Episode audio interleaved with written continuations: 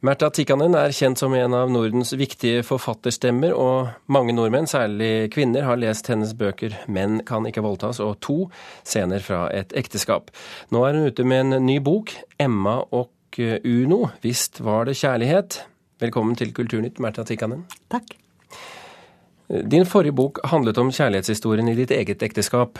Nå går du løs på kjærlighetshistorien i dine besteforeldres eh, ekteskap. Hvorfor det? No därför att jag tyckte så jättemycket om min mormor. Och jag visste redan från det jag var alldeles liten att det fanns en gåta i min mormors liv. Och att det var min morfar. Och det hörde jag alltså på de tonfall som min mammas syskon, också min mamma till en viss grad, men syskonen använde så fort de talade om sin far. Det fanns liksom ett avstånd och det fanns kritik inbyggt. Så att jag tänkte så här att, att morfar har nog gjort mormor illa på något sätt.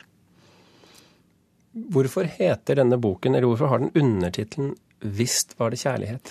Därför att det är på något sätt det stora frågetecknet där när man läser det när det där första förfärliga brevet där min morfar Uno har mött den unga lilla eh, Emma, 18 år, som då ska bli hans brud och han presenterar henne för sin mor så berättar han ju väldigt lite om Emma och han talar då mest om hennes fars förmögenhet. Och man blir ju alldeles förtvivlad. Sen säger han ju visserligen att Emma är genomfrisk.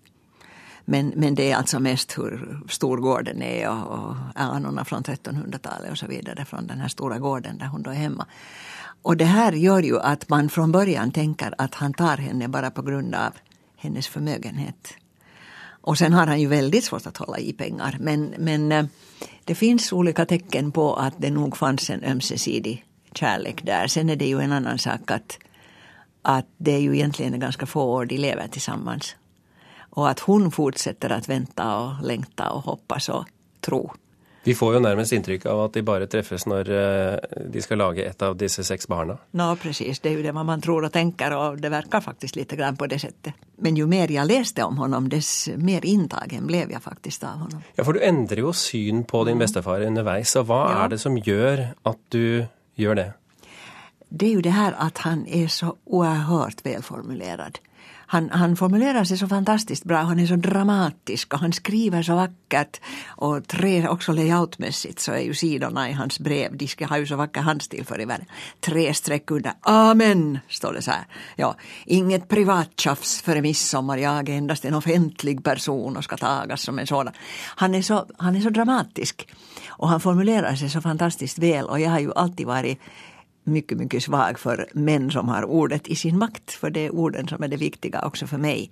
Och jag har ju själv alltså levat 28 år av mitt liv tillsammans med en man som verkligen hade orden i sin makt. Nämligen Henrik Tikkanen. Han var då både bildkonstnär och författare. Men, men vad var det Uno kämpat för? Han är ju inte ett känt människa i Norge. Nej, alltså i Sverige är han fortfarande känd och det är ganska märkligt för att han dog 1936. Alltså han var en världsförbättrare, en idealist, en tändsticka som flammade upp och slocknade. Och det han ägnade alltså sitt huvudsakliga intresse åt, det var folkbildning, kultur, litteratur, musik. Han grundar folkhögskolor runt om i Sverige kan man säga. Och, och bland det mest kända fortfarande, alltså legendariska, det är mm, eh, Folkhögskolan Brunnsvik i Dalarna. Där han var en av de tre som satte igång Brunnsviks folkhögskola, arbetarungdomens universitet. 1906. Och han blev den första föreståndaren. Och det här är alltså en sån här fantastisk kulturgärning. Och sen grundade han många folkhögskolor på andra håll i, i Sverige och fortsatte som föreläsare, artikelskribent, författare och så vidare. Och detta gör att han knappt har tid till sin egen familj. Men det är väl en, också en dramatik där som, som må leva sammen med Eh, Eh, en väldigt spännande tid. Eh, det är eh, revolution på gång i Ryssland, det är revolution i Ryssland, det är borgerkrig i Finland, det är första världskrig. Eh, Hur lever dessa två världar samman? dette, det som sker på det stora lerretet och det som sker i den lilla familjen. No, men det är ju det som är så himmelens spännande i det här sammanhanget. Hur man genom att inte bodde tillsammans så är ju deras korrespondens som är mycket, mycket omfattande så är den ju full av alla de här personliga intrycken av just allt det här som du nu just nämnde. Eh, de röda garderna under inbördeskriget och inflationen som plötsligt tar hela Emmas arv och allt möjligt sånt här. Det finns hela tiden med. Och det är ju så här, bara vi lite tänker efter, att detsamma gäller ju i vår tid och i alla tider. Att vi människor, små människor med våra privatliv, vi blir ju väldigt influerade, påverkade av allt det som händer i världspolitiken runt oss. Och Finland har ju ett, en oerhört dramatisk politik och historia in i den dag som idag är. Så att vi känner ju liksom ganska väl till det här hur man hela tiden lever i växelverkan med sin tid, sitt samhälle och hur det påverkar oss alla. Och det här, det här var alltså en av de absolut viktigaste eh, omständigheterna som gjorde att jag var så kolossalt fascinerad av hela det här materialet. Jag lärde mig så mycket. Vi lever ju i helt andra tider nu på sätt och vis. Eh, är det något vid denna historien som alltså är hundra år gammal Eh, som, som vi kan dra nytta av idag? Alltså det är ju det att det finns så många, många paralleller och beröringspunkter. Alltså verkligen.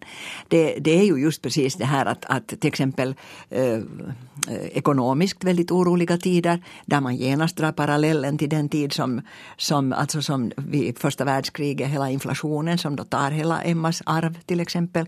Emma mister det som är kvar av hennes fädernegård därför att ehm, eh, under Finlands fortsättnings, efter fortsättningskriget så får ju Finland lov att avstå till Sovjetunionen då en del av södra Finland och där ingår Kyrkslätt socken och Överby gård. Det finns så många i vår tid som är tvungna alltså att avstå från sin hembygd, från sin, sitt fosterland i många sammanhang och flytta och lämna gravarna, dit kommer ingen av oss, säger Emma. Och det, är liksom, det, här är, det är fullt av den här sortens paralleller hela tiden. För att inte tala om på privatlivet naturligtvis. Jag menar, det, det behöver inte stor, vara stor politik för att, för att fundera över detta. Att hur kommer det sig att en del kvinnor väljer dessa män som, som ingenting är att hålla i handen när åskan går. Men som är så oerhört stimulerande och så fantastiskt dramatiska och så spännande och begåvade. Det står roman på denna boken? Ja, alltså det är på, på grund av mitt förlag i Sverige. För att um, jag hade från början tänkt skriva en, en roman. Men sen tyckte jag att jag inte kan göra Uno rättvisa om jag inte låter honom tala själv utgående från sina brev. Och då blev det alltså vad jag hade velat kalla en dokumentärroman. För därför saknas ju väldigt mycket. där finns luckor där jag fick lov att fylla i. Men förlaget sa att man kan inte kalla någonting för en dokumentärroman. Det är ingen som vill läsa en dokumentärroman. Och där tror jag ju att de hade fel i och för sig. Men för att den har ju, det har ju gått väldigt bra för den här boken. Men, men ehm, det hade ju inte behövt stå någonting alls där. Men den är alltså faktiskt, den är ju ingen biografi för då hade jag varit tvungen att skriva väldigt mycket mer om Unos livsverk. Och det som intresserar mig är ju förhållandet mellan de här två. Mm. Varför går det som det går? Ska vi kalla det en hybrid? Jo, det kan vi gott kalla den. Eller kalla den precis vad som helst så länge den kan tala till människor som vill läsa den. Märta Tikkanen, tusen hjärtligt tack för att du kom till Kulturnytt.